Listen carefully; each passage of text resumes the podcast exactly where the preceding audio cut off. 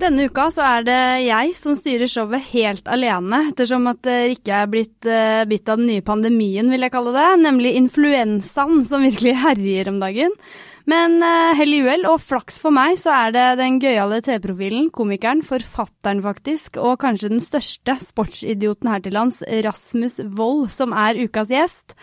Eh, etter å ha sett han på TV-skjermen i høst, på 71 grader nord, så slår Rasmus meg som en likandes kar det er enkelt å slå an en prat med. Han byr på seg selv, er ikke redd for å snakke om til dels ubehagelige ting, og skaper rett og slett god stemning. Gjennom TV-programmet har Rasmus vist seg fra flere sider enn bare den gøyale fra scenen som vi er vant til å se han med, og det er mer av denne siden jeg gjerne vil få frem i denne episoden. I tillegg stiller han delvis til veggs om romansespekulasjonene som fikk fart på seg for noen uker siden, og hvordan den nye tilværelsen som småbarnsfar til en liten hund har vært. Rasmus letter også på trykket om det han mener om VM i Qatar, og kommer også med et stikk til norske fotballkommentatorer. Det er rett og slett bare å glede seg. God lytt.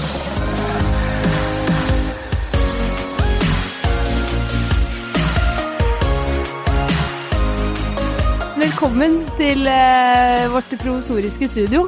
Tusen hjertelig takk. Det er en oppussing? Ja. ja.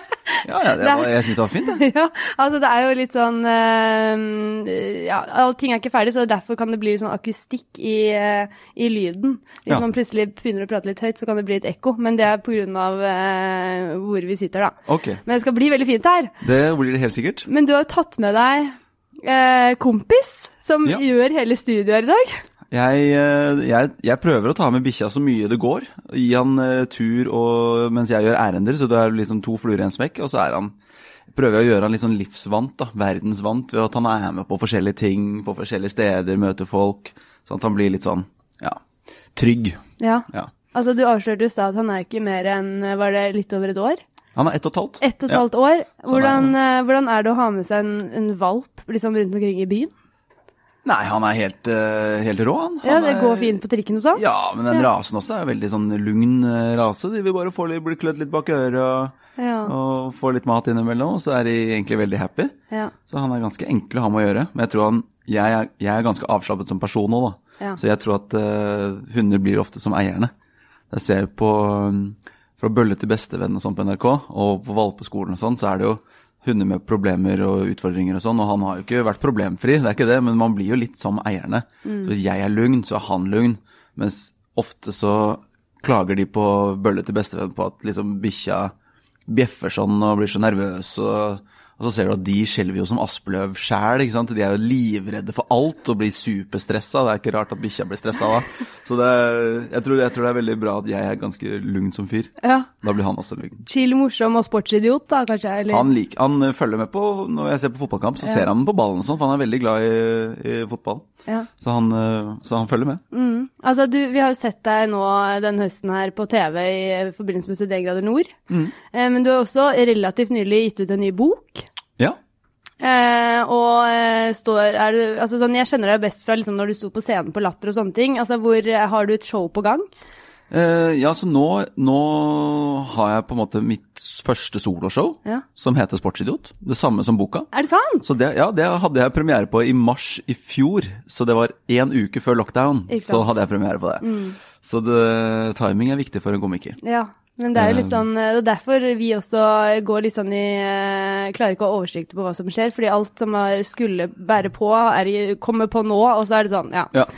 Ja, ja, ja. Det, jeg har ikke visst at jeg har hatt et show sjøl. Altså, jeg bare, her, spiller jeg det nå, spiller jeg det ikke nå? Er det pause her? Ikke pause? Jeg skjønner ingenting av hva som skjer. Ja. Men nå er det, det er kanskje to-tre shows igjen i år utenbys, og så er det en ny runde på Latter igjen til, på nyåret. da, Januar og februar.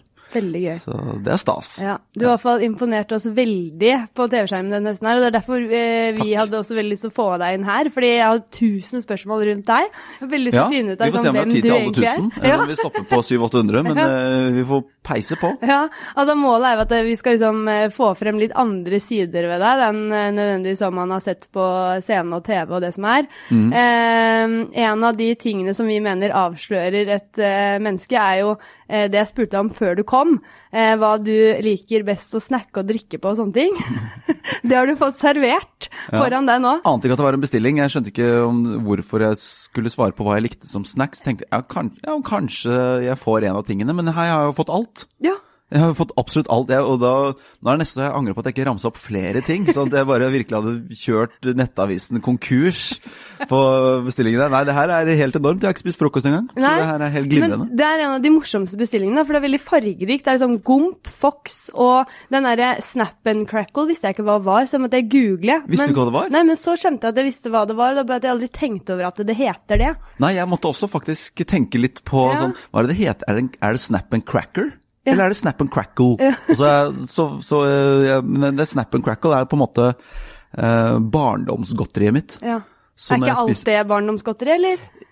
Det var dine år, men, eh, men eh, Gomp og, og Rox og sånn er jo sånne ting som eh, jeg, jeg, spiser veldig mye av fortsatt. Mm. Men Snap and Crackle har fått litt sånn Det er nostalgisk godteri for meg. Det er på en måte fredagsgodteri og, og, film på TV nede i kjelleren hos mamma og pappa det er snap and crackle for meg. Så det syns jeg er veldig koselig å spise. Ja, og For de som hører på, da, så er det de der avlange eh, Hva er det man kaller det for noe? Det er ikke vingummi, men sånn eh, hva i alle dager skal man si Karamell, kanskje? Ja, det står altså, en, en fruktkaramell, kan ja. man si. En uh, ja, chewy bar with a burst of flavor, står det under uh, logoen her. Det er en ja, fruktkaramell, avlang variant. Og så er du en Pepsi Maxer.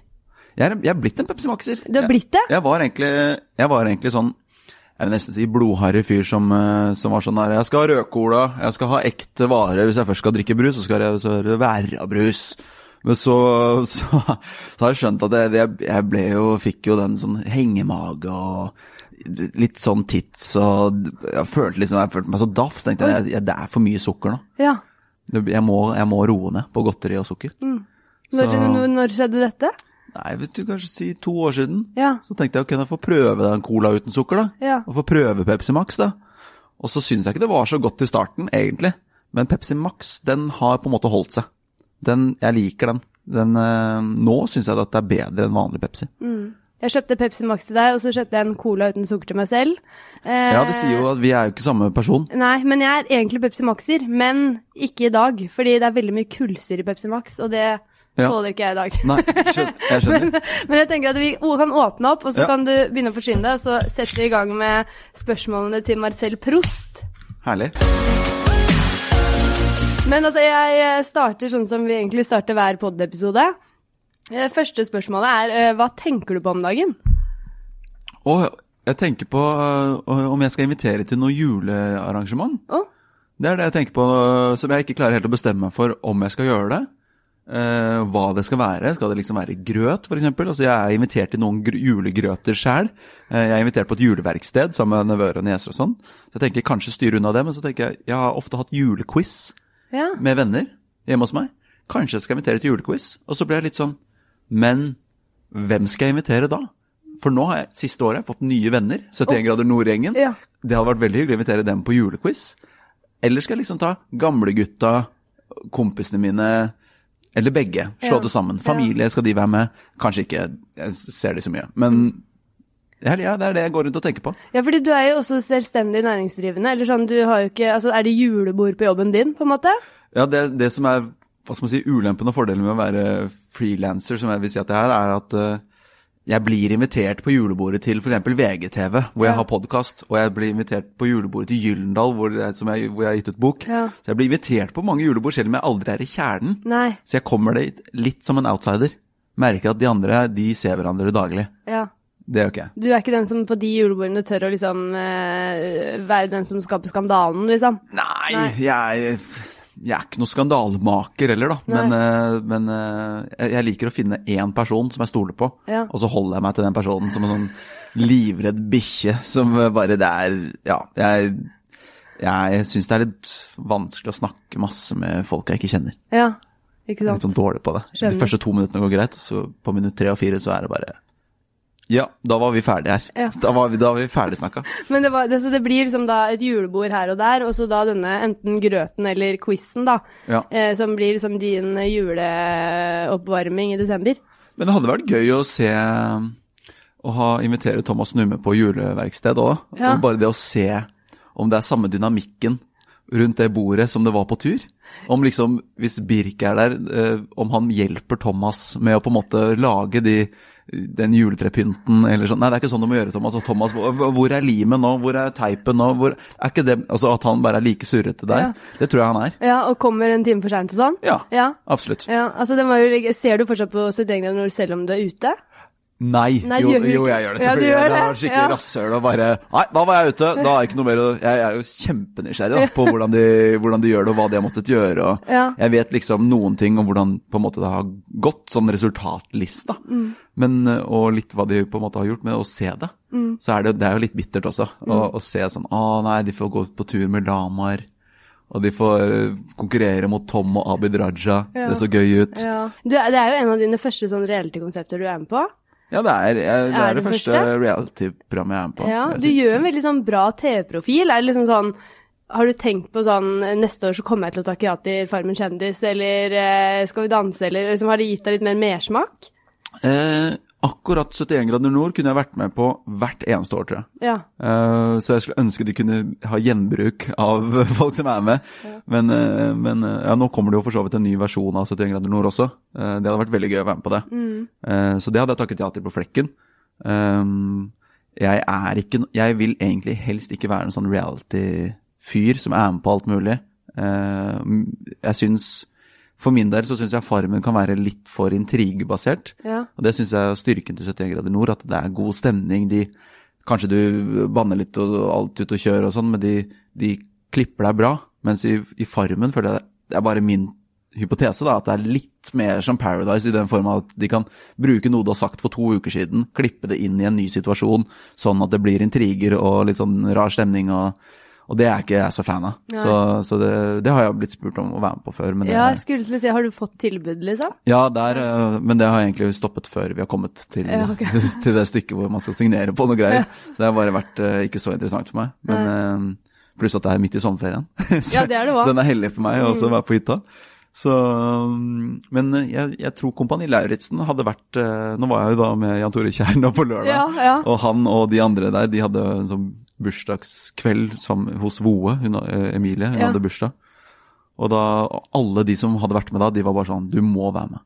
Du må det hvis du får tilbudet. Og det er det samme som jeg sier også om 71 da, ja. til andre.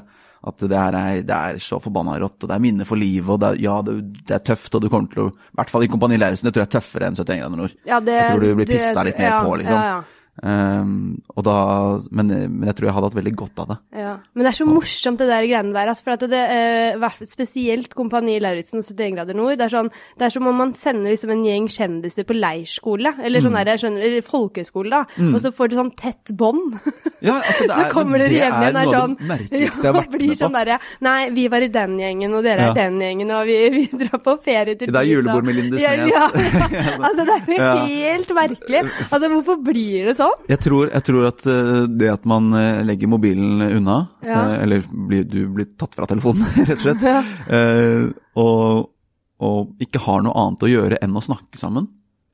Og du blir altså så godt kjent. Jeg hadde jo Jeg visste jo alt jeg ville vite ja. om mine lagkamerater på Lindesnes etter dag én.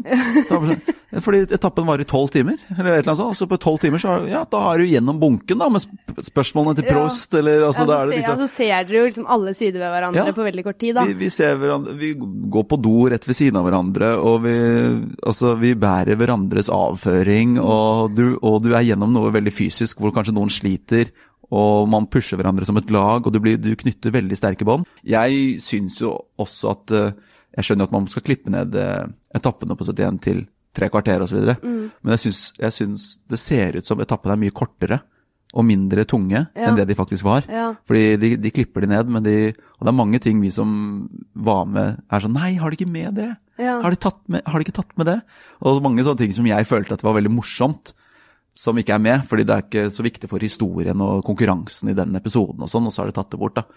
Uh, så det er litt, litt synd. Men, mm. uh, men, de vet jo hva de driver med, selvfølgelig. Ja, Men hva, hva Fortell henne, altså hva er det Er det noe sånn megakult som ble borte, holdt jeg på å si? Nei, det, hvis det hadde vært megakult, så, tror jeg det, så tror jeg det hadde vært med. Men, uh, men vi hadde, hadde, en lang diskusjon med Aurora da vi campa på, på vannet den gangen, på, på snø. Ja. Og hun spadde, ned, eller spadde fram en do, da.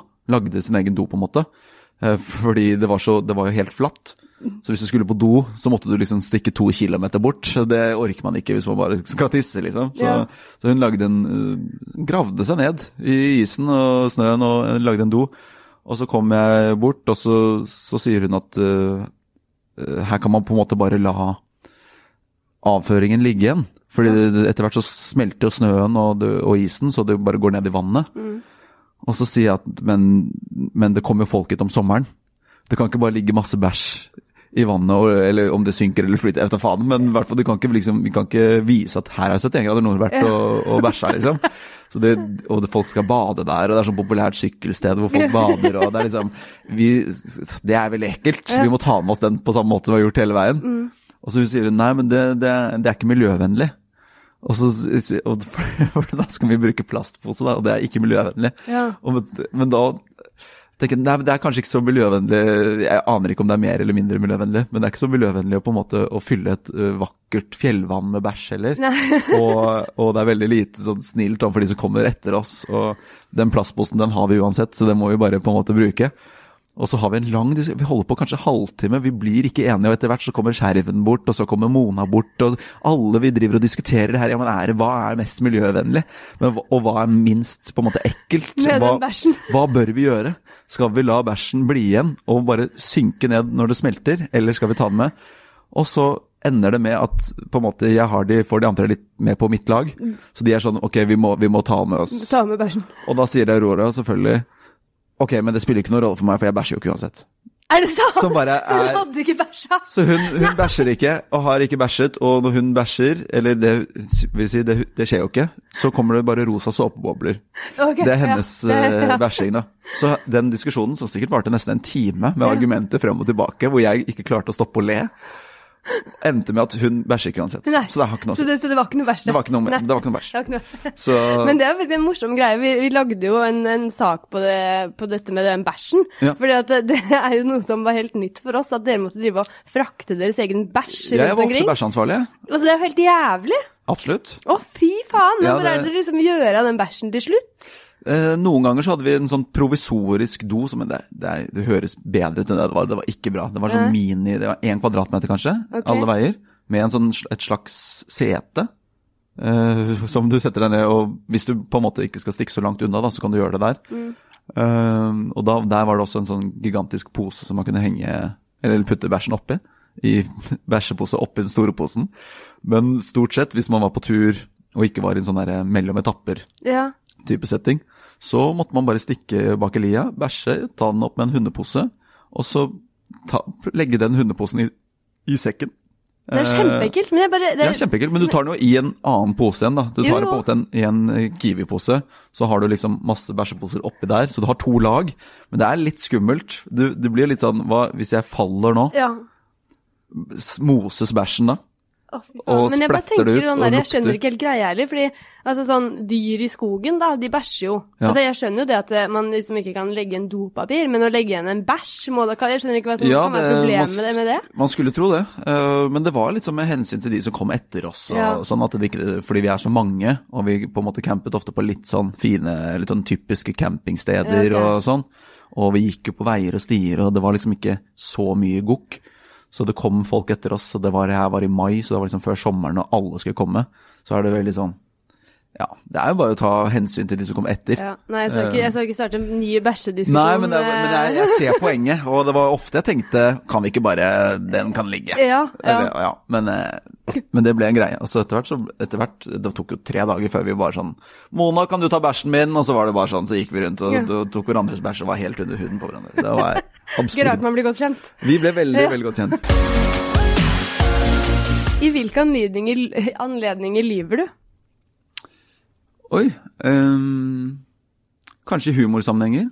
Hva? Så drar jeg på litt ekstra. Er det sant? Ja, det gjør jeg ofte. Fra scenen, liksom? Kan du fortelle en usann historie? Jeg, jeg forteller nok uh, noe som bunner i noe sant i utgangspunktet. Okay, ja. Men så drar jeg på litt for komisk effekt. Finner på ting som har skjedd som ikke har skjedd inni den historien. Ja. Uh, nå for eksempel så snakker jeg om en Utenom soloshowet mitt, så har jeg en standup-historie nå om da faren min holdt på å dø fordi han hadde blitt stukket av veps. Mm. Og, da, og, det var en helt sinnssykt dramatisk uh, historie, hvor, hvor, det var veldig mye som skjedde som var gøy, naturlig. Mm. Men jeg har også dratt på litt ekstra, funnet på ting da, og det jeg, jeg, føler, jeg føler, en god historie må alltid ha liksom 10 løgn, føler jeg. Ja. Litt sånn for å Du kan ha en fantastisk historie, men du kunne ha gjort den enda bedre, da. Hvis du hadde dratt på litt ekstra. Faren min også, jeg tror jeg lærte av han på en måte å lyve. Ja. Han dra, de historiene fra han var barn, og hvordan han holdt på på skolen og sånn de, de, de, blir villere og villere for hver gang. Jeg, jeg, legger merke til hva som er løgn her nå. For jeg husker hvordan det starta da han fortalte den historien da jeg var ti år. Og nå når jeg er 30, så er det sånn det var ikke helt sånn det var, var det det? Men ok. Men så jeg også at historien har også blitt bedre, da. Ja, den er det. Den er men altså, jeg er helt enig i det. I historiefortelling så må det være lov, liksom, ja. fordi jeg gjør det sjøl òg, da. Ja. Hvis jeg skal fortelle noe som på en måte noe på, som skjedde på vei til jobb, så må jeg liksom legge på litt. Hvis ja. ikke så er det jo ikke noe vits å fortelle det. Nei, det, det, er akkurat det. For det er veldig lite, i hvert fall kanskje jeg lever et litt kjedelig liv, men det er veldig lite som skjer som bare jeg kan si det nøyaktig sånn som det er. Og så er det så gøy at alle bare knekker av latter. Men hvis man har litt fantasi, kan, så kan det plutselig funke. Ja. Så, men jeg, jeg, lyver nok eh, Jeg kan lyve om, eh, om hvorfor jeg er forsinka. Ja. Altså, nå var jeg faktisk litt forsinka her i dag, og det var egentlig bare fordi jeg var udugelig og treig. Ja, men du, I uh, meldingen så skrev du ikke hvorfor, du skrev Nei, bare 'jeg er forsinka'. Ja, men da kunne jeg sikkert ha skrevet Eller det jeg ofte har brukt, i hvert fall hvis det er til podkastopptak eller noe sånt, som jeg, det er ofte fem minutter forsinket. For jeg, jeg, jeg overvurderer hvor rask jeg er.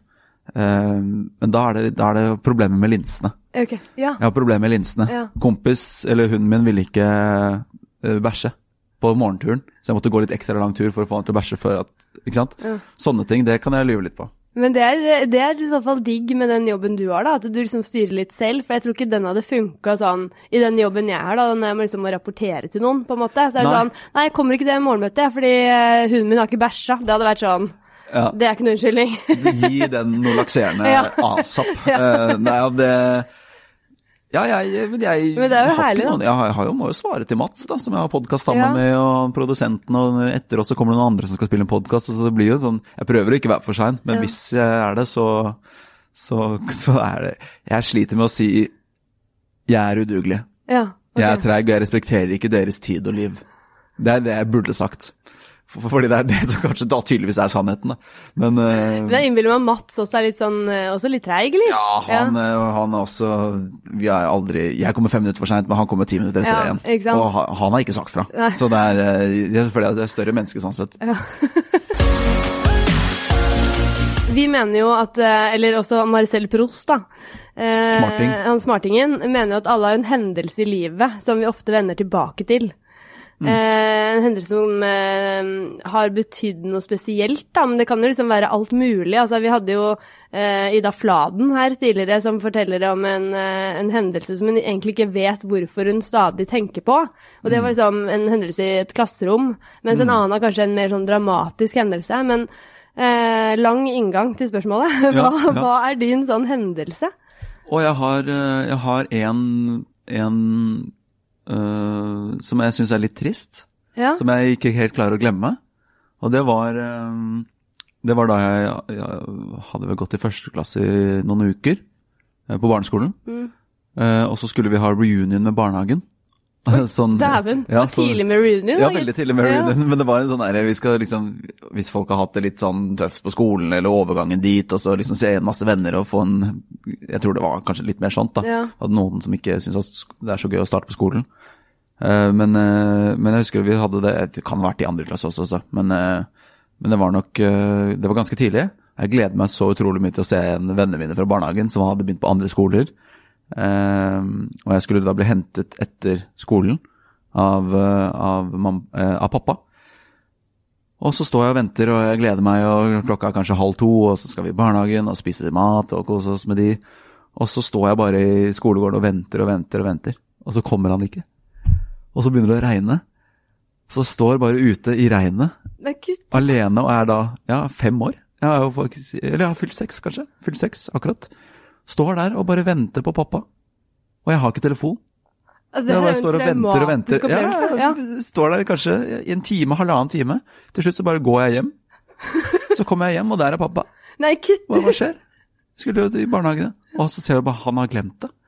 Han har dratt hjem fra jobb, og så ser jeg, og, og da, da jeg, jeg kunne ikke tro det. Nei. Det var det viktigste i mitt liv. Du, Ja, men altså, selvsagt, du er jo seks år, det er ikke så mye Ja. annet som skjer i livet. Det var Da følte jeg at pappa ikke brydde seg om meg. Jeg følte sånn, Er det mulig? Jeg har snakket om det her hver dag i liksom to uker. Jeg gleder meg til å se igjen Alexander og Men den må jo ha satt altså, Åpenbart har jo noe satt seg litt. Ja, det har satt seg. Det, jeg glemmer ikke det. altså. Nei, har du Så jeg føler fortsatt at han skylder meg en Ja. Jeg føler fortsatt, jeg kan nesten minne ham på det. sånn, Husker du da du lot seksåringen din bli stående i regnet og gråte fordi han ikke fikk eh, komme på barnehagereunion, eller? Men, men altså, har du snakket med han om det i Nei, jeg har, jeg, jeg har nok egentlig ikke det. Eh, jeg føler at eh, jeg skal ikke være så langsint heller. Nei, nei. det er 24 år siden du glemte en eh, barnehagereunion, pappa. Men jeg skal minne deg på det hver dag resten Nei, jeg, skal, jeg kan ikke være han fyren. Men, men, men jeg tenker på det ganske ofte. Ja, men er du, er du, er du Jeg sier ikke at dette her var en hendelse som har traumatisert deg, men altså sånn Jeg føler meg ikke traumatisert. Det er ikke. Nei, men sånn Er du redd for å bli glemt? Eh, ja, redd for Ja, det er jeg nok.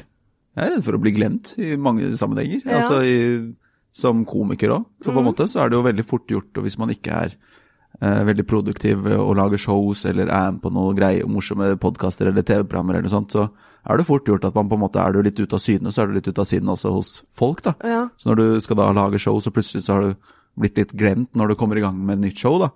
Så er det jo så er det kjedelig å spille for 20 stykker istedenfor 200, da. Mm. Så jeg er redd for å bli glemt som komiker. ja. Er det litt sånn Eh. konstant jag? Ja, Føler du? altså jeg føler ikke at jeg pusher. Altså, da kunne jeg ha sagt ja til veldig mange ting som jeg ikke har sagt ja til òg. Ja. Å- Men jeg føler det er liksom alt på en måte. Så lenge jeg føler at jeg ikke er glemt, Mm. så er det greit. Men det er jo litt sånn Det som er bra, er å kanskje ha den podkasten som alltid går, som er alltid litt sånn med på den. Og så, er det, så har du jo Instagram, og du kan jo snakke til følgerne dine der også. Mm. Eh, så, du, så de i hvert fall vet at du eksisterer. Men eh, Så den dagen vi ser deg på Farmen kjendis, da vet vi at nå er vi på et nå bristepunkt der. kommer det snart et soloshow. Ja, bare nå, nå er Ja. det Nå, er det på, nå, skal, nå skal Rasmus ta en Terje Sporsem og, og bli elsket av nordmenn før han slipper premierebilletter til showet sitt. Og det samme skal vi danse og sånn også. Det, Ja, det er uh... det er no go inntil uh, Det er karrieren på hengende håret, på en måte, når du takker ja til det. Det er ikke noe for meg. Ja, det er ikke stå her og vise tallet tre med fingrene og si 26400 Nei. nei. Ja, Men hva med Maskorama? ja, det er Maskorama kunne jeg kanskje kanskje vært med på. Ja, ja. det kunne jeg kanskje vært med på. Men, eh, Kanskje jeg er med på det? Altså, ja, det er jeg skulle til å Det er si det. Altså, vi, det kan være en sånn liten twist her nå. Ja, nå har jeg allerede avslørt at jeg var med Jan Tore Kjær på lørdag, Ja, så, så jeg tror ikke jeg skal være ute av loopen. Nei. Ja, Men det hadde vært gøy, da. ja det, var, eh, det, det, er, det er et morsomt program. Ja, Men lar du deg fenge av det? For at jeg blir jo gæren. Ja, jeg, jeg blir litt gæren sjøl. Ja, du gjør det. Jeg blir utrolig nysgjerrig. Ja. Eh, og, og det er som en, en krimgåte du aldri får svar på, så føler jeg at dommerne gjetter helt feil, og jeg bare, sånn, er det kødd? Det er ikke Leonardo DiCaprio, Ja, ja. Jan Thomas. Det er ikke DiCaprio, liksom. Bare, hvorfor sier du dette? Du Märtha er fortsatt ikke med. Det er ikke Leonardo DiCaprio som er inne i uh, Snømanner og hva faen det for noe.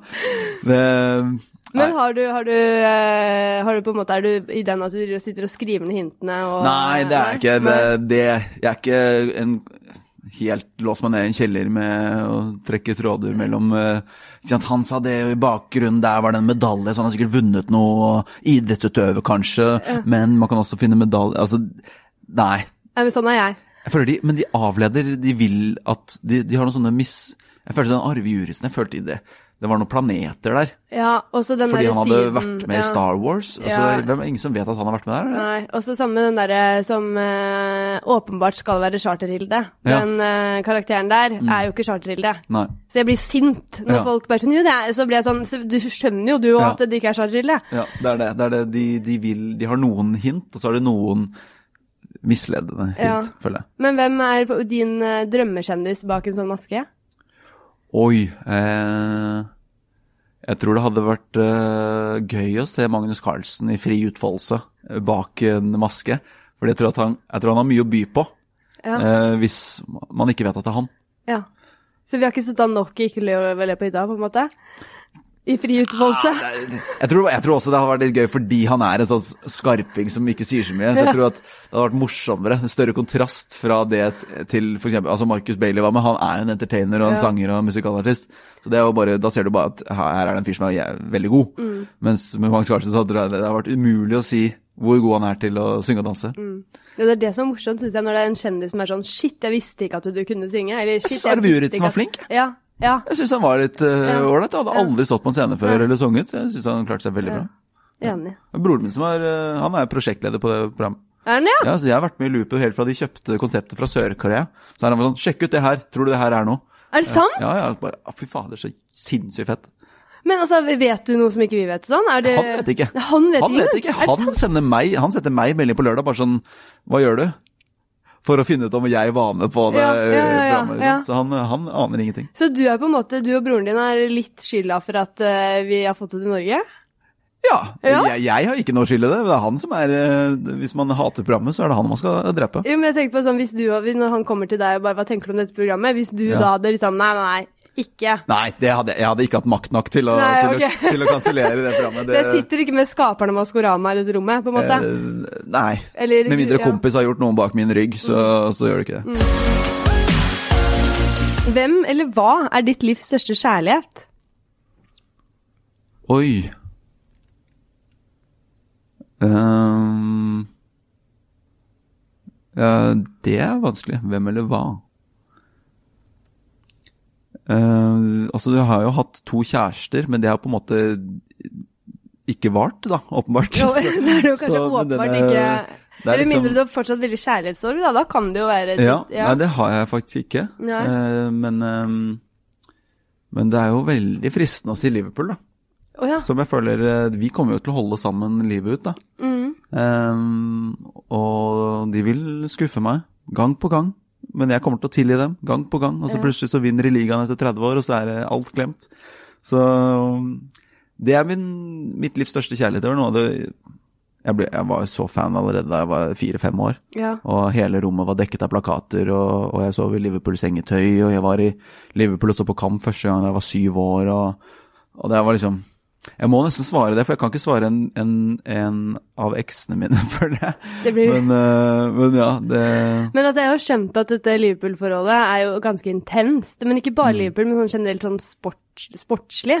Altså, ja. Eh, jeg har lest saker uh, om at uh, du har liksom droppet bryllupet til søsteren din fordi det gikk en viktig kamp på TV. Ja, det var bare liksom. det var en, det var en dåp som, som, jeg veldig gjerne ville droppe. Ja. Så endte med at jeg måtte dra hjem, men jeg så på kamp på mobilen da, ja. i kirken. Så det kan jeg, det, det, kan gå utover en del ting, det, men jeg prøver å planlegge godt, da. Ja. Uh, så, jeg, så, jeg, prøver liksom ikke å finne på noe. Men, ja, men, men altså, du legger opp livet ditt etter hva som skjer i sportsverdenen, liksom?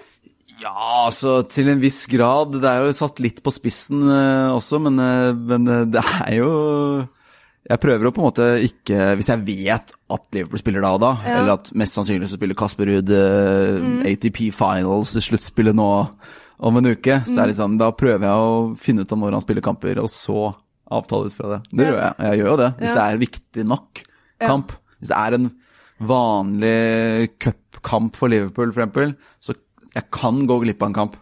Okay. Uh, men, uh, men uh, det skal Det er sjeldent? Ja, det skal litt til. Ja. Det må være noe veldig viktig jobb eller noe sånt. Men altså, hva er det som gjør at, liksom, er, at du har et så intenst forhold til det? Altså, jeg vet jo sånn, du, du har jo vært liksom utøver før. Du vant jo junior Hva er det det står på den der Max Social Junior-norgesmester i tennis. Den oppsummeringen din på den management-siden, så er det jo til og med en setning om at du har vunnet ja. juniortennis. Ja, det, det, har jeg krevd at de skal skrive ja. Nei, jeg har ikke det. Men de, de, det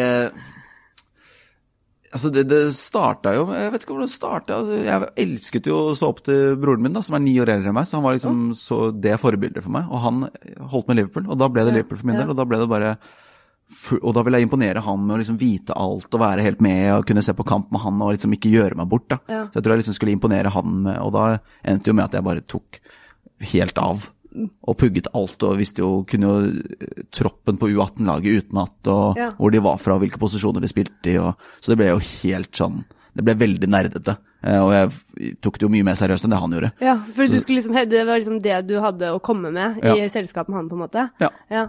Så det var min inngang til å få henge med storebror. Var å se på Liverpool-kamp. Ja. Så nei, jeg må svare det, altså. Det, Men det er jo ikke bare Liverpool. altså sånn, du, Det er jo sitater på deg at du gråter når eh, Tiril Eckhoff må ta en strafferunde. og Det er jo på en måte sånn, det er jo andre idretter enn bare fotball som du på en måte virkelig engasjerer deg i. Er det, Ja. noen, er, det, er, det noen, eh, er det noen idretter som du hater? Som du på en måte sånn, Det skal du aldri følge med på?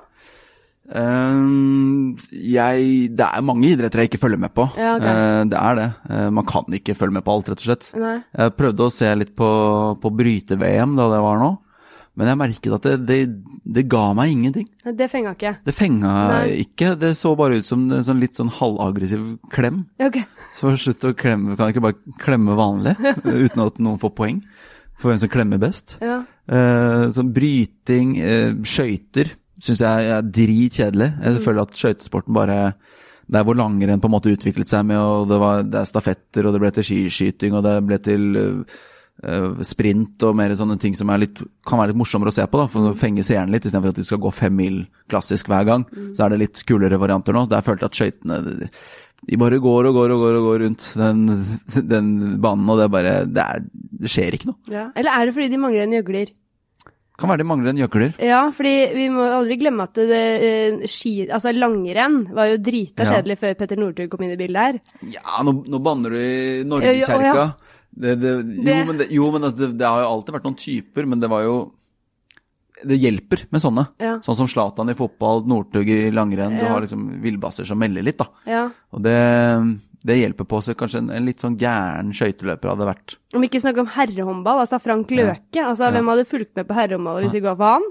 Nei, det, det kan du si. Det Ja. kan du si. Nå, eh, ja, det er for min del også. Damehåndball er mye mer spennende. Mm. Men altså, sånn, du, jo, du har jo åpenbart masse kunnskap om Er du litt bitter for at du ikke har blitt uh, brukt til noe sånn At du ikke har fått en jobb innenfor eh, noe sånn uh, ekspertkommentator i fotball, f.eks.? Nei, det Nei, er jeg ikke. Det er jeg ikke? ikke for. Jeg har, eh, jeg har fått være gjest på masse eh, ting, Ja. som på en måte komiker slash sportsinteressert fyr. Ja. Så jeg syns det er veldig gøy, men det å jobbe med det, da tror jeg det kan gå utover gleden Ja. min til sporten. Hvis man må ta det bare seriøst. Jeg husker at eh, vi hadde en podkast om Liverpool, nemlig, i et par år. Og, og den lever videre. Den var på en måte gitt videre til en annen en fan, da. Eh, men jeg merket også at jeg så på Liverpool-kamper på en helt annen måte. Jeg måtte analysere mye mer, se på tall, være liksom virkelig med lupe, da. Mm. Istedenfor nå som jeg kan liksom legge meg tilbake i sofaen og kose meg med kampen. Mm. Og ikke nødvendigvis måtte se hvert minutt hvem som har antall prosent pasninger og all sånne ting. Fordi jeg følte at jeg ble tatt på det av Ja. hvis jeg ikke hadde stålkontroll. Så jeg koser meg mer med Liverpool nå enn det jeg gjorde da. Ja. Jeg holdt den. Så jeg føler at det er litt sånn med, med Emil Gukild, som er NRK Vinterstudio, eksempel. Jeg tipper at han syntes at vintersport var kulere før han begynte å jobbe med det. Ja, du tror det? Jeg, jeg vet ikke, men jeg tipper det. Ja, ja. Men er det sånn, kan du eh, sitte og se på en eh, fotballkamp og se på studiet og irritere deg over eh, de som har studio på sånn Ja. Dere må ha bedre kunnskap enn dette, liksom? Ja, det kan jeg. Ja. Hvis de, jeg synes, altså, de har noen faktafeil, eller, Ja. de, eller de mener noe som er bare sånn Ja, men det vet alle. Ja, eller sånn ja. Nei, det er jeg uenig i. Altså, du, du, men det er jo litt av den greia med de som er sånn pundits, da, som det heter. De skal, de skal jo mene ting, og gjerne litt bastant, og gjerne litt mer enn det de egentlig mener, for at det skal være litt sånn interessant. Mm.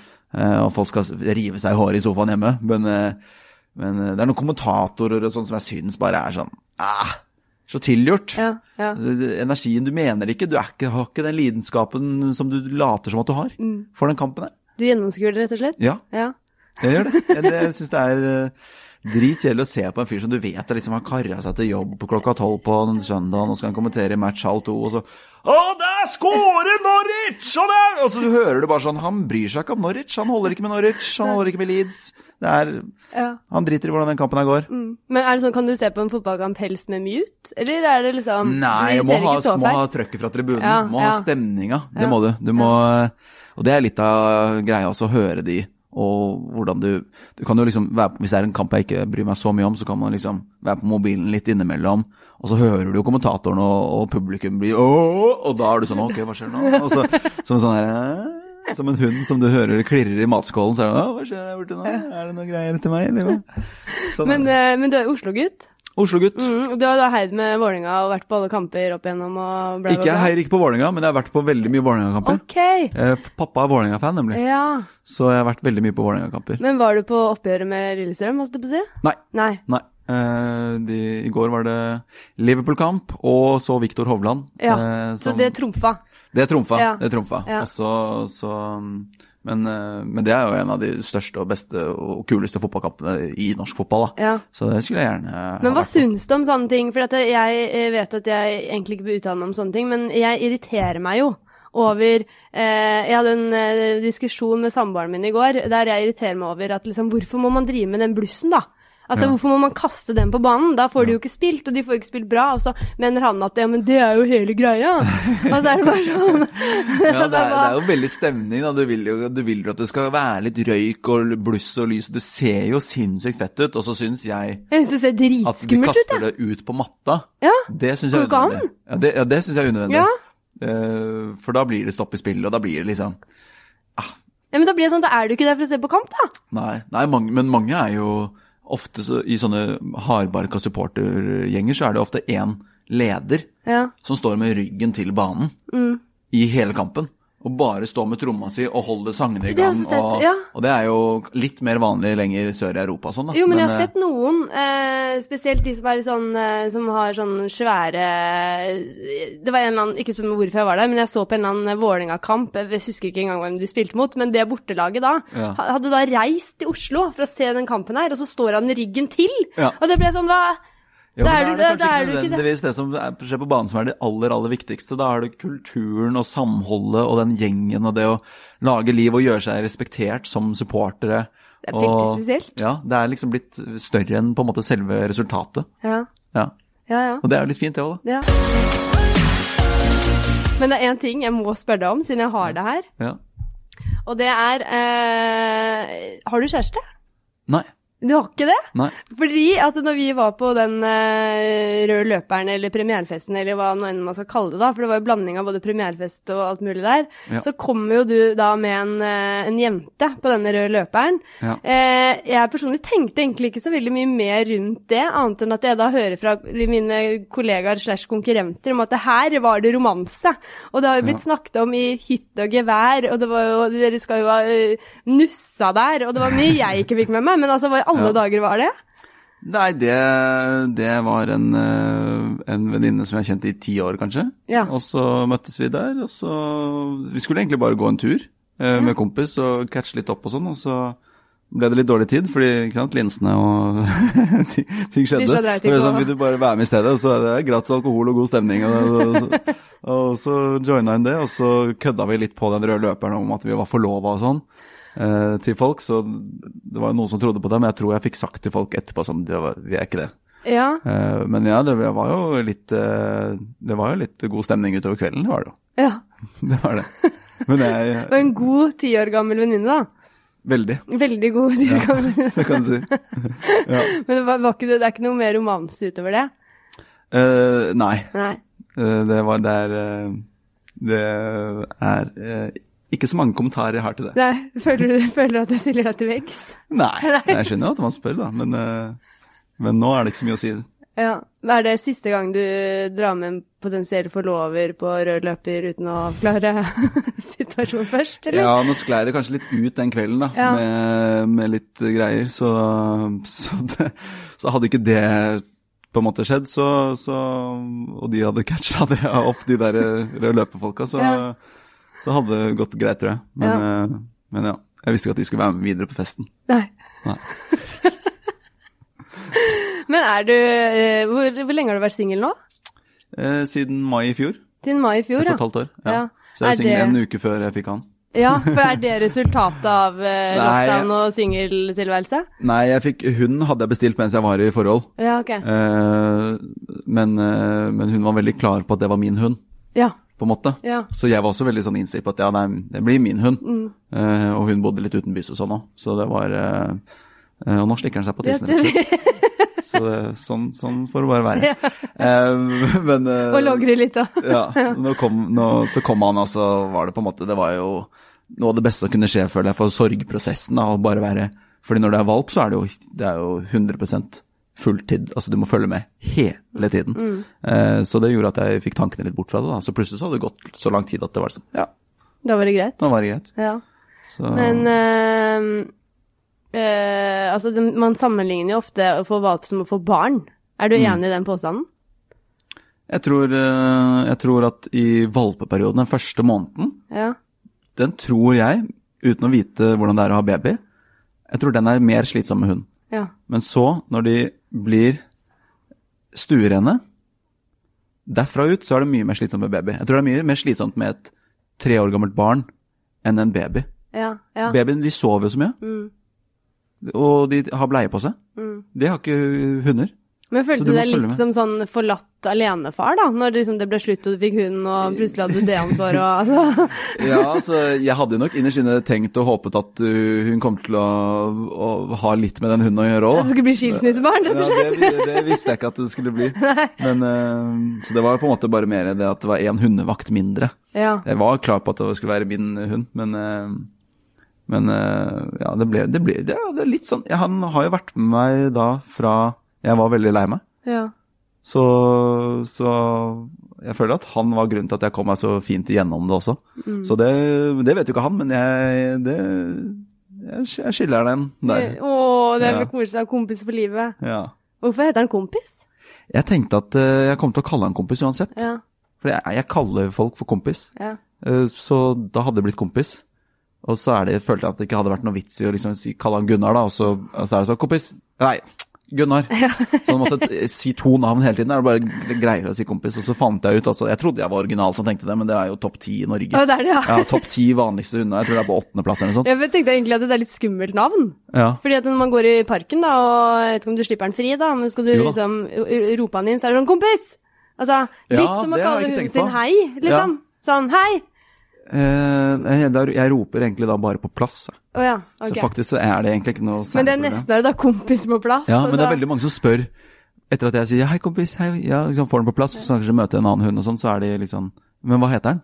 ja, Så, ja. Nei, Han heter kompis. Å, han heter kompis! Han heter kompis, jeg skjønner. Jeg skjønner. Jeg kaller min også kompis, men hun heter Luna. Så det er bare, ja. Luna også er topp eh, av topp ti. det på, jeg tror det er på førsteplass. Ja, du tror det, ja? Nei, nei, jeg mener å huske at det var på førsteplass på den Ja. lista jeg så. Ja. Luna, og så er det vel eh, Er det Max, Ja. tror jeg. For når mamma skapte seg hund òg, Ja. var det sånn, trodde også hun at hun var kjempeoriginal, og jeg var sånn Ja, det Hva er heter jo Luna. Nei, heter Luna! Er det sant? Ja, da kan du se. Ja. Det for, det er, jeg syns det er for mange hunder som heter Luna. Ja. Jeg skjønner ikke hvorfor det blir Luna. Ja, nei, ifølge mamma så var det fordi hun er hvit, og så er det månen. Ja. Men altså, det er jo Kall den Berit, da. Eller Ja. Kari, eller altså Ja. et eller annet. Selv om det Jeg kjenner også, både jeg en hund som heter Berit, Er og en hund som heter Kari. Jeg, ikke kødd. Det er ikke kødd. Men det syns jeg også har blitt en trend. Ja. Å kalle hunder Terje for og- uh, sånne originale navn. Ja. Det syns jeg også er veldig sånn, ja.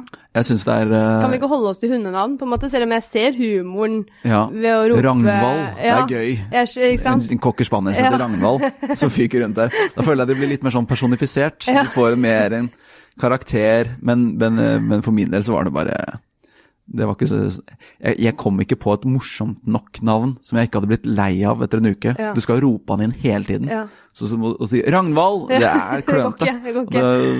ja. Ja.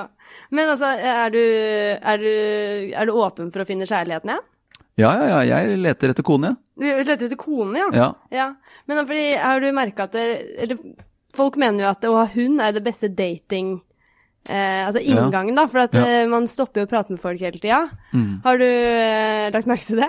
Eh, absolutt. Ja. Eh, Det er veldig mange som, eh, som hilser på, og det er også fordi han er jo, han er jo så logrende. Han er, Alle mennesker er så potensielt koser, Ja. så han ser så blid ut, så de, man får lyst til å kose med han. Mm.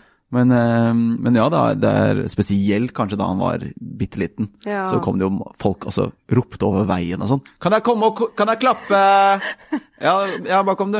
Hun løp over veien på, på rødt lys og bare måtte kose. Det var mer intenst da. Ja, Nå er han jo folk faktisk 32 spør kilo. først òg, da. Den er ny. Ja, ja, ja. Ja. Jo, men det, det, det føler jeg nesten Jeg føler 90 gjør det. Oi. Sånn, kan jeg så hilse på? Ja. Kanskje det er pga. pandemien, det òg? Ja, og så har det vært eh, noen eh, saker i media også med, Ja. med hunder som har bitt og som kan være aggressive eller Ja. Du vet jo aldri. Det er veldig bra etikette at man spør. Ja. Fordi plutselig Jeg har ofte gått bort og tenkt ja, men jeg elsker hunder, jeg går bort og koser med den hunden der. Ja. Og så er det noe som eieren kan liksom si sånn han er litt sånn, han er ikke så glad i folk og Det er lurt. Eh, ikke sant. Mm. Men altså, du leter etter konene, eller? Jeg leter etter, for jeg tenker nå er jeg 30 år, nå min neste kjæreste blir forhåpentligvis min kone. Ja. Eh, som jeg skal få barn med. Eller, ja, så du er liksom sånn tradisjonell at du vil gifte deg og ja, jeg vil gifte meg. Jeg vil ja. få, få, barn og leve på en måte litt sånn som moren og faren min har gjort. Ja. Det er veldig koselig, da. Jeg har lyst til å bli en gjeng. Jeg har lyst til å få tre eller fire barn, minst. Ja, flokk. Jeg, jeg, jeg syns det virker så gøy å være en flokk. Ja. Kjøre en litt sånn større bil med hele gjengen baki der som De krangler litt, og så spiser de litt godteri, og så er vi på tur på vei til hytta, liksom. Jeg syns det virker så idyllisk og fint. Ja. Så det er på en måte mitt store mål, er å, er å lage en flokk. Mm. Og bli en gjeng. Mm. Um, hvordan ser denne, denne, kommende eh, kona ut? Altså, Hvordan er drømmedama di? Store pupper. Nei, oh. jeg tror jeg kødder.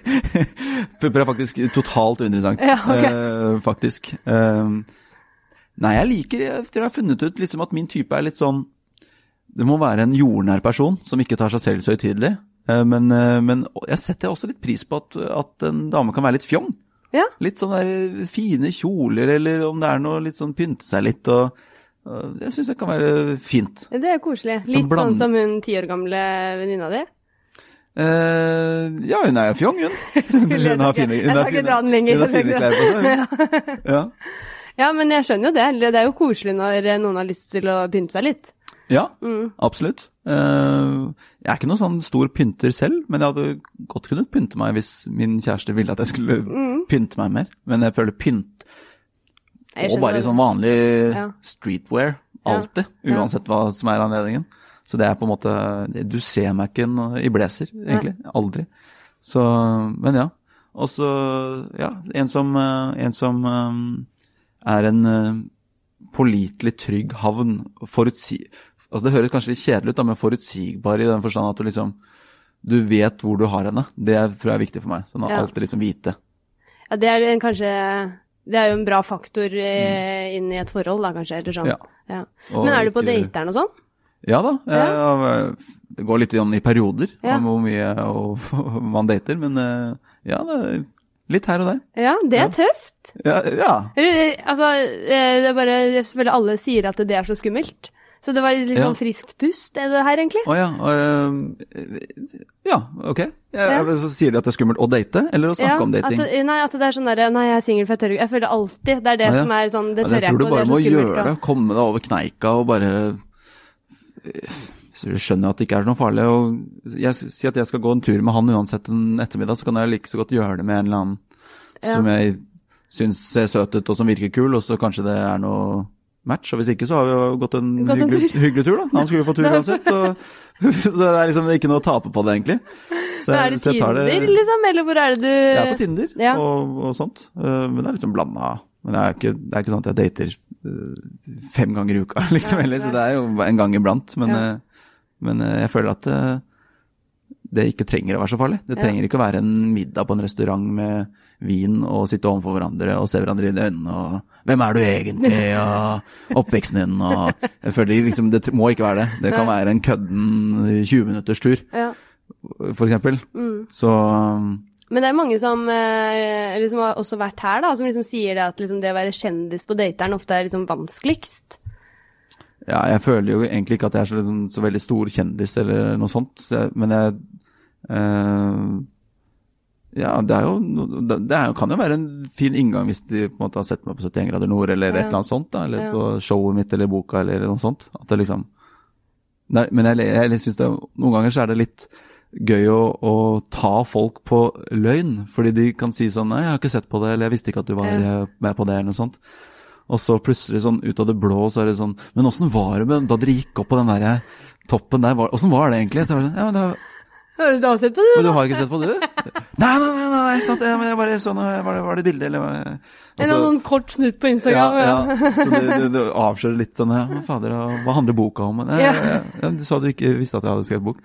Så noen prøver seg litt, så jeg vet ikke hva som er formålet med det. Nei. Men uh, hvis man har hørt om meg, så har man hørt om meg, da er det ikke noe vits i å fake det. Mm. Men uh, jeg føler ikke at uh, Det kan sikkert være at noen vil møte meg av det. Og så klarer ikke jeg å gjennomskue det. Ja. Men jeg har egentlig fortsatt ikke følt at jeg liksom har blitt Lurt, liksom? lurt, eller noe sånt. En som bare ville møte meg av det. Ja. Så det føler jeg mer, mer kan være vanskelig for meg at noen ikke vil i på rød løper, eksempel, eller eh, Men det, det må man jo heller ikke gjøre. Man kan jo holde det veldig skjult. Jeg vet om mange kjendispar som ingen, ikke dere vet om. Ja, det, men det skulle i altså, altså, Det er også nesten blitt en trend å drive og skjule kjæresten sin. Mm. Eller sånn at eh, Nei, det skal man virkelig holde hemmelig, og det er nesten Ja. litt sånn fy-fy å si at man har fått seg kjæreste, og, Ja. og så er det jo sånn Det gikk jo fra egentlig å være en veldig hyggelig ting Ja, ja. til å bare Men, plutselig eh, bli sånn Nei, det skal man ikke snakke om. Nå er det liksom eh, Da får jo de plutselig publisitet og er med i artikler, og de blir søkt opp på Instagram av folk som eh, Ikke sant, og alt mulig. Så hvis, de, altså hvis det er en regnskapsfører, så er det liksom den personen har ikke bedt om Ja. å være Den- i rampelyset, sånn yrkesveimessig. Da. Så fordi at de ikke Da må man i hvert fall spørre først. ja. Det er jeg veldig enig i, da. Og hvis den personen er sånn Nei, jeg vil ikke. Jeg kan være med deg på noe greier, men da vil jeg ikke at vi skal på en måte gå på rød løper eller snakke med, om det. Så må man respektere det. Eh, hva angrer du mest på? Og det er vanskelig. Det er, det er, det er, det er sånn eh, tennismessig. Det er, måte, tennis. Jeg angrer på at jeg ikke prøvde å bli proff, Ja? og satsa hardt fra jeg var tolv år. Kunne du blitt eh, Kasper Ruud, liksom? Det tror jeg ikke, men, eh, men det får vi aldri vite heller. Det er det som er så irriterende. ja. Jeg kunne altså, Jeg hadde veldig, hvis jeg skal skryte, så hadde jeg veldig talent sånn med ballfølelse og uh, var veldig sånn hadde det veldig tidlig. Så hvis jeg hadde satsa fra jeg var veldig ung og ordentlig gått inn, så kunne det ha skjedd ting. Mm. Men så var jeg alltid litt sånn useriøs og tok det litt for enkelt. Og så etter hvert så ble det Smirnoff Ice og revyfester og tut og kjør, og da var det på en måte kjørt. Ja. Um, men jeg hadde jo null treningstalent, ikke sant. Så det er jo det du må ha, det er jo det viktigste. Du kan jo komme så så langt med talent, men så må du jo faktisk ha den derre hodet på plass òg, da. Vilja. Ja. Men, uh, men uh, igjen, også sånn, hadde jeg gjort det, så hadde jeg jo aldri vært med på skolerevy, og da hadde jeg aldri begynt på standup, og da hadde jeg aldri gjort det jeg gjør i dag, som jeg syns er en kjempemorsomt liv, egentlig. Så, så jeg, jeg kan heller ikke angre på det, Nei. men jeg, jeg går ofte rundt og lurer. På hvordan det kunne gått? hvordan, hvor god hadde, hadde jeg blitt nummer 50 i verden? Hadde jeg blitt nummer 700? Hadde jeg ikke blitt nummer topp 1000 engang, eller hva? Ja. Og så, ja. Så det, det er sånne spørsmål som man aldri får svar på, som det er for seint å gjøre noe med. ja. Så Altså, altså, da tenker jeg sånn, Klandrer du foreldre litt da, for at man ikke er strengere? Nei. Nei? Det, jeg tror alternativet er brutalt. Det er stor sjanse for at man ikke blir proff, og da har man på en måte ofra så mye for å bli nummer 800 i verden, Mm. Det, jeg tror, det, jeg tror de jo, jo skjønte at jeg var en sosial fyr som trengte å ikke bare fly fra hotellrom til hotellrom og være det toppidrettsutøverlivet, leve det. det. Jeg tror ikke det hadde vært for meg uansett. Nei. Så jeg var glad for at de ikke pusha på det. Ja. Men uh, Men sånn som når du blir foreldre en dag selv, da. Mm. Eh, kommer du til å være like sports og sånn kaste dem inn i idretten og bare du Altså, hvordan forelder Ja, blir du der? Jeg kommer ikke til å bli en sånn psykofar som, uh, som er sånn du skal bli verdens beste tennisspiller og fotballspiller samtidig, kombinert. Uh, men uh, men jeg tror nok jeg kommer til å For det er så mye bra med idretten. Både Jeg spilte litt fotball og litt tennis, så jeg fikk på en måte både den lagidrettsfølelsen av det å jobbe sammen med et lag, glede seg med hverandre, ta hensyn, jobbe for laget, men også den individuelle og det å, på tennisbanen så er det jo du er, Det er så mental kamp at du kan ikke tro det. ikke sant? Du går i kjelleren eh, hvert fjerde minutt, så er du helt mentalt på bånn, Det plutselig helt grusomt ja, ja, men så kommer du opp igjen, ikke sant. Ja. Det er det som er med golf også, for den saks skyld. Det er jo så mentalt spill at det er eh, Så det, da lærte jeg jo veldig mye om meg selv òg, da. Ja. Og, og det at jeg, jeg var en elendig taper da jeg spilte tennis. Jeg kunne begynne å gråte eller knuse racketen min oh, ja. og bare var helt uh, rabagass. Oi. Så Så, du er jeg- egentlig den gjøgleren som eh, man trengte litt tidlig, da, kanskje? Ja! Ja. Så, eh, litt sånn John McEnroe Det er en smal referanse, kanskje, men John McEnroe var en sånn villbass fra USA som klagde på dommerne og ropte og kasta racketer. Og, og det, det, sånn hadde jeg blitt nok hvis jeg hadde fortsatt. Men, eh, men det at jeg, så, at jeg var så dårlig taper i så mange år som uh, junior, gjør at jeg på en måte har blitt en veldig god taper nå. Fordi jeg har ja. ikke lyst til å erkjenne at jeg var en så idiot. Ja. Så hvis jeg taper monopol på hytta eller ryker ut mot Birk i 71 grader nord, så er det liksom Ja ja, jeg gjorde det jeg kunne, og så bra jeg kunne, og så var du bedre. Men inni deg så må du vel fortsatt ha det? Ikke? du har blitt helt kvitt jeg, jeg, føler at jeg bare Det har tatt et valg etter hvert, hvor jeg har reflektert, sett tilbake og bare er det, Fy faen, jeg dreit meg ut. Jeg dreit meg loddrett ut, liksom. Hva er det jeg driver med? Knuser racketer og roper de styggeste tingene jeg visste om. Og mamma og pappa sto på siden og ble jo dritflaue, selvfølgelig. Bare sånn, sorry, vi har feila helt, vi, oppdragelsen vår. Totalt feil. Og så, så det, det er liksom at jeg har skapt eh, skam til, til familien, føler jeg at jeg har gjort. Så det jeg prøver nå, at det er røket nå. Altså det, og så var det sånn, det hadde vært litt komisk å banne og gå sånn i kjelleren, for jeg føler at ingen har gjort det på sitt eget nivå. Sånn, sånn, sånn skikkelig sånn der, bare kalle Birk for masse dritt, og forbanne uh, konseptet og Tom Stiansen og fuck det her, og, og gå og slenge med, ja, slenge med døra, ta den kula og bare mukke den ut i havet. Men, eh, men ja, det hadde vært gøy, men eh, da, jeg tror ikke alle hadde skjønt at det var kødd. Eh, når var du lykkeligst? Når jeg var lykkeligst? Mm. Oi. eh, når jeg var lykkeligst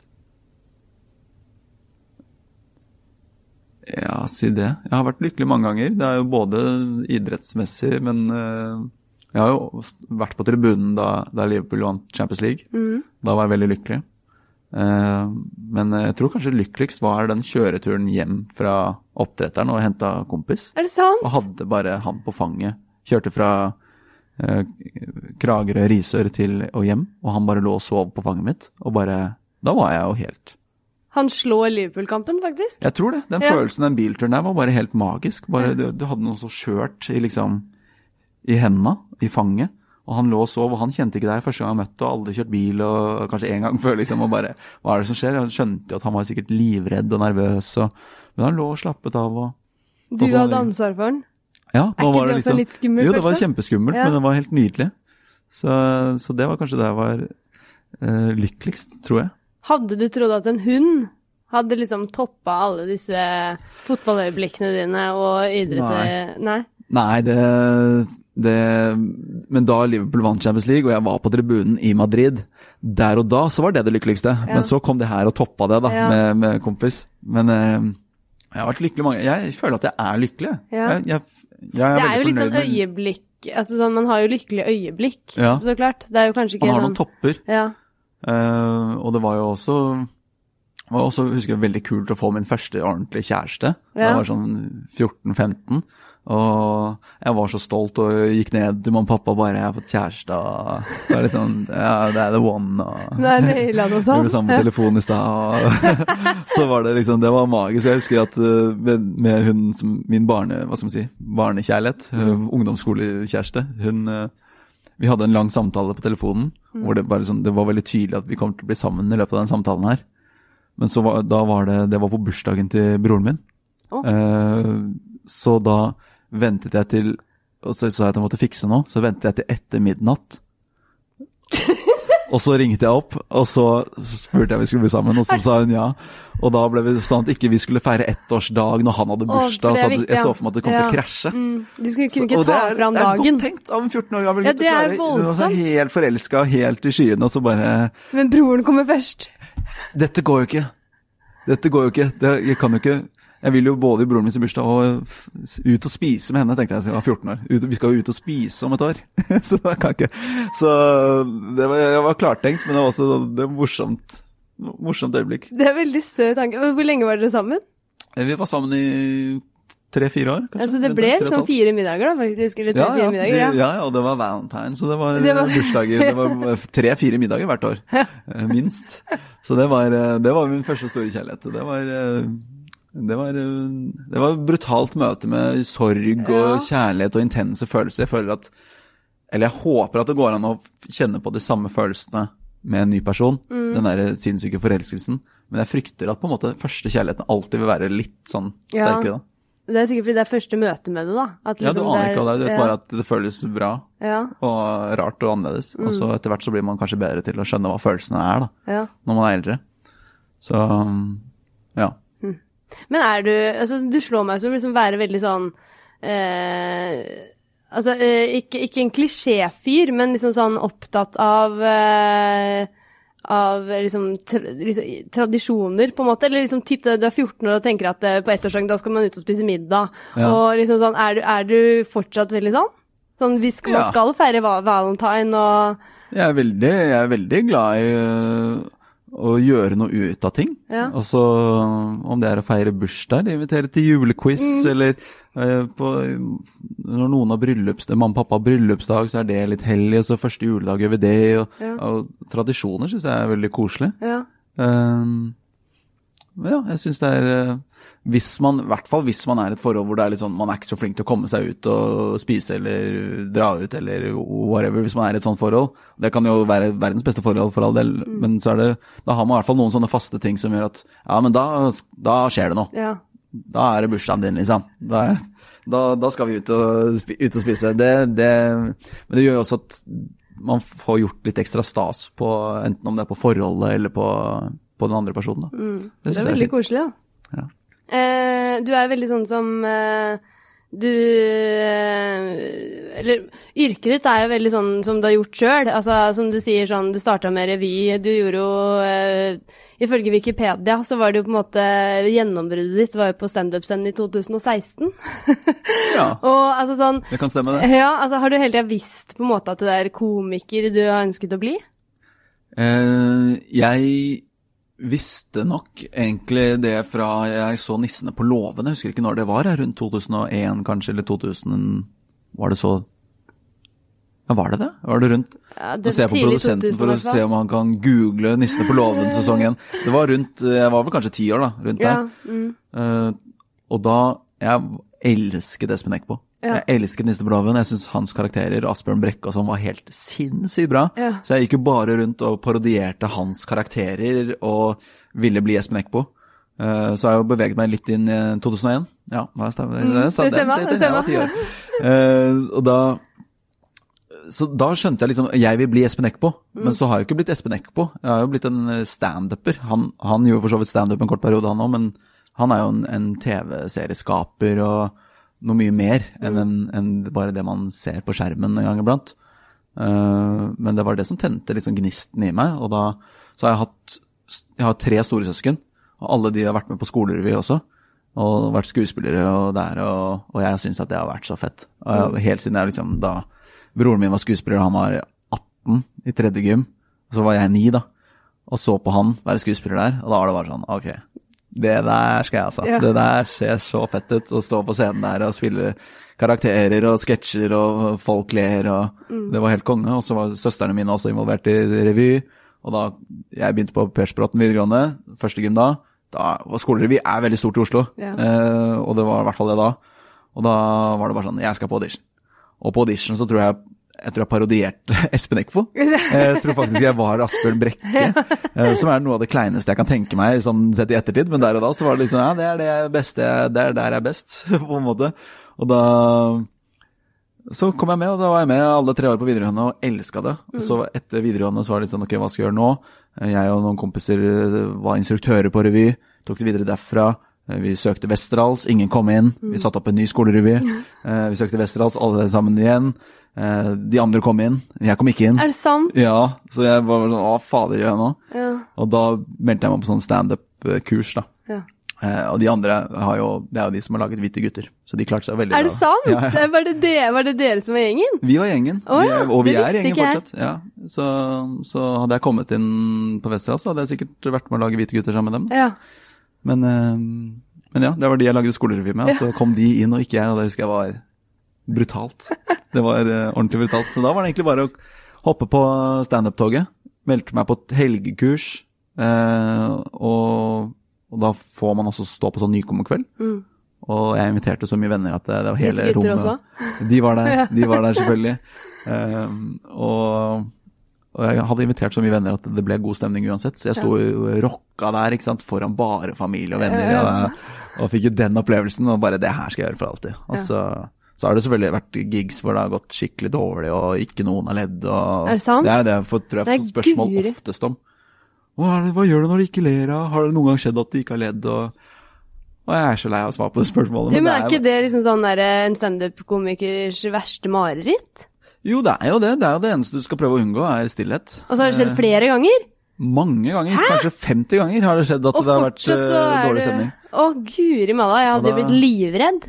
Ja, jeg hadde lyst til å slutte Ja. et par ganger etter noen av de opplevelsene. Eh, Men de, det er jo sånn tøff lærdom, da, fordi det ikke er noe skole for standup. Det er ikke noe utdanning, det er ikke noe Du må bare eh, learn by do. Ja. Men hva, hva, så sånn, hva, eh, hva er det som gjør at du liksom fortsatt eh, liksom, Hvis det hadde vært flere sånne opplevelser, så vet jeg ikke om jeg hadde turt å fortsette. Hadde det altså, vært 50 på rad, så tror jeg kanskje Ja. jeg hadde kasta en årene og tatt hintet.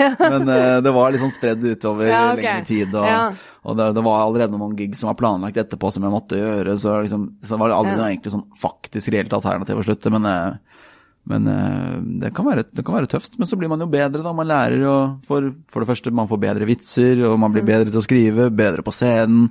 Og så lærer man seg at det er ganske skjør, skjør, eh, skjørt yrke. Fordi du har liksom Folk tenker bare at en vits er en vits, men du må jo ha lys sånn at alle ser deg. Publikum bør helst sitte så tett som mulig, så nærme som mulig deg. Og lyden må være god, og det er liksom Du må vite hvem du snakker til, og ja, det er liksom Det er mange sånne småting man ikke tenker på, som man blir bedre til å fokusere på etter hvert, da. Så ja. Herregud. Men eh, Så nå går det sjeldnere og sjeldnere mellom Ja, Nå men er jeg må jo bare spørre det klisjéspørsmålet, da. Men altså sånn når man da står på scenen og ingen ler, Ja. altså, hva, altså fullfører du da, liksom? Ja, ja, ja. Man må bare, man må bare enten anerkjenne det og, si, og liksom vise publikum at ja, jeg merket også at den vitsen ikke satt. Det, det skal jeg hjem og jobbe med den. Eh, Eller et eller annet sånt. Sånn at folk bare sånn Ok, ja, han skjønte det. Ja. Fordi det det er noe av det verste er hvis du ser en fyr Prøver og prøver. prøver. prøve og prøve og prøve, Ja. og, ikke, og late som at det er stor respons, på en måte. Ja. Sånn ja, ja, ja, her er det ikke dårlig stemning. Og så er det bare Nei, men du må jo bare anerkjenne det, sånn at du vet Sånn at de vet at du vet hvor du er og hva som skjer. Ja. Og så, så blir man bedre til å liksom komme seg unna sånne situasjoner. Hvis jeg, nå, hvis jeg merker at ok, nå er det ikke så god stemning, Mm. det, så kan jeg på en måte kutte ut en vits Ja, litt sånn tidlig. det, liksom, så jeg merker ja. å ja, de, å ja, de følger ikke så mye med på fotball, for eksempel. Eller hvis jeg begynner å snakke om fotball, da. Ja. Og det, og de tar ikke referansene. Da kutter jeg ut det, da snakker jeg om noe annet i stedet. Ja. Eh, men da fullfører jeg bare den vitsen frem til det er sånn et naturlig sted å stoppe på veien. ja. Og så, så man må jobbe eh, i hodet underveis. Ja. Hele tiden lytte etter hvor de ler, hva de ler av.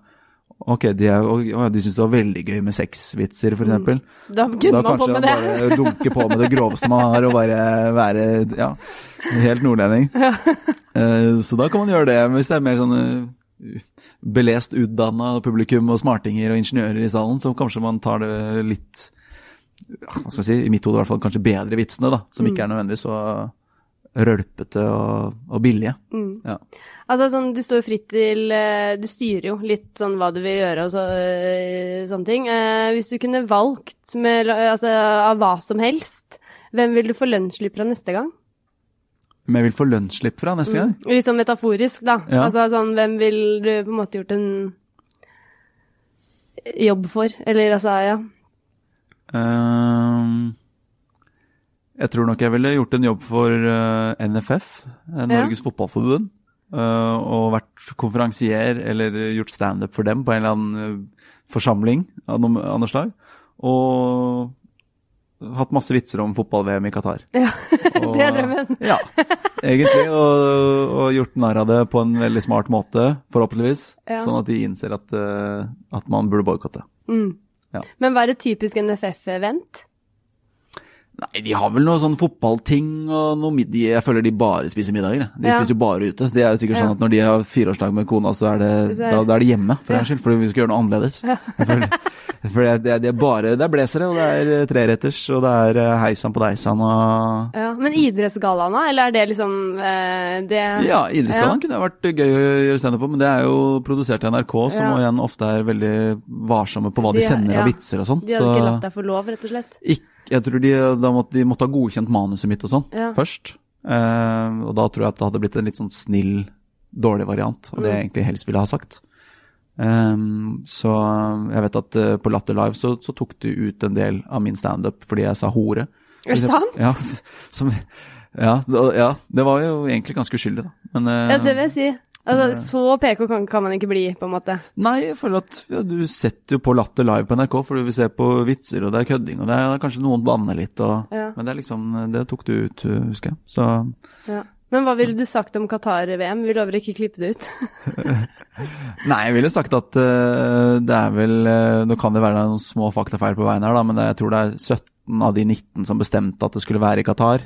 Eh, de som hadde en stemme eh, på forrige gangen de bestemte hvem skulle være arrangørland, så sitter vel 17 av 19 i fengsel nå pga. korrupsjon. Og det er jo nærmere 7000 slaver som har dødd mens de har bygget stadioner fordi Fifa har gitt VM til et land som ikke har fotballbaner.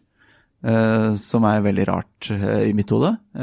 og de hyrer jo da inn slaver fra rundt omkring i Indonesia og alle de Sørøst-Asia-land og, og, og, og, de får ikke dra tilbake. Hvis de vil gi seg, så har de på en måte gitt fra seg passet sitt til en sånn verge, som egentlig er bare et finere ord for slaveeier.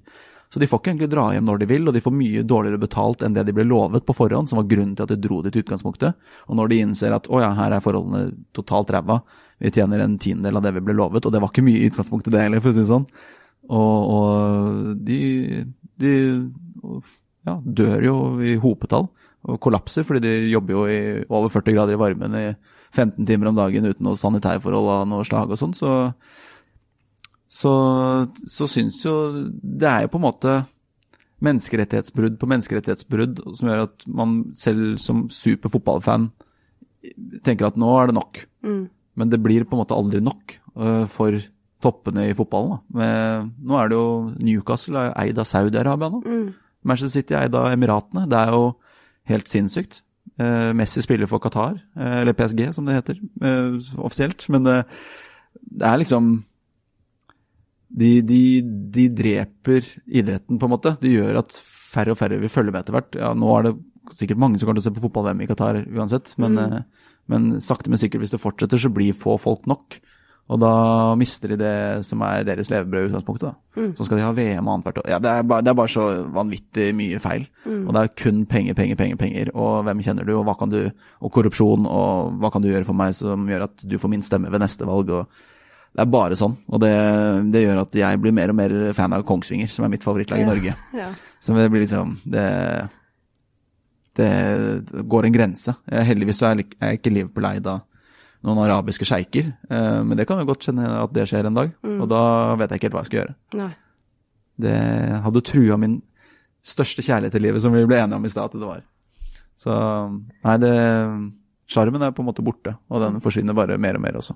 Mm. Dette var en dyster avslutning på poden, men uh... Sånn er det. Det må ut der. det må ut der. Det må ut der. Eh, tusen takk for at du eh, hadde lyst til å gjeste podkasten vår, eh, Rasmus. Takk for at jeg fikk komme, og takk for en eh, eventyrlig frokost. Jeg har ikke snakket så mye at jeg ikke har rukket å spist, Nei, men eh, du tar med deg hjem. Jeg tar med meg hjem. Ja. 100%.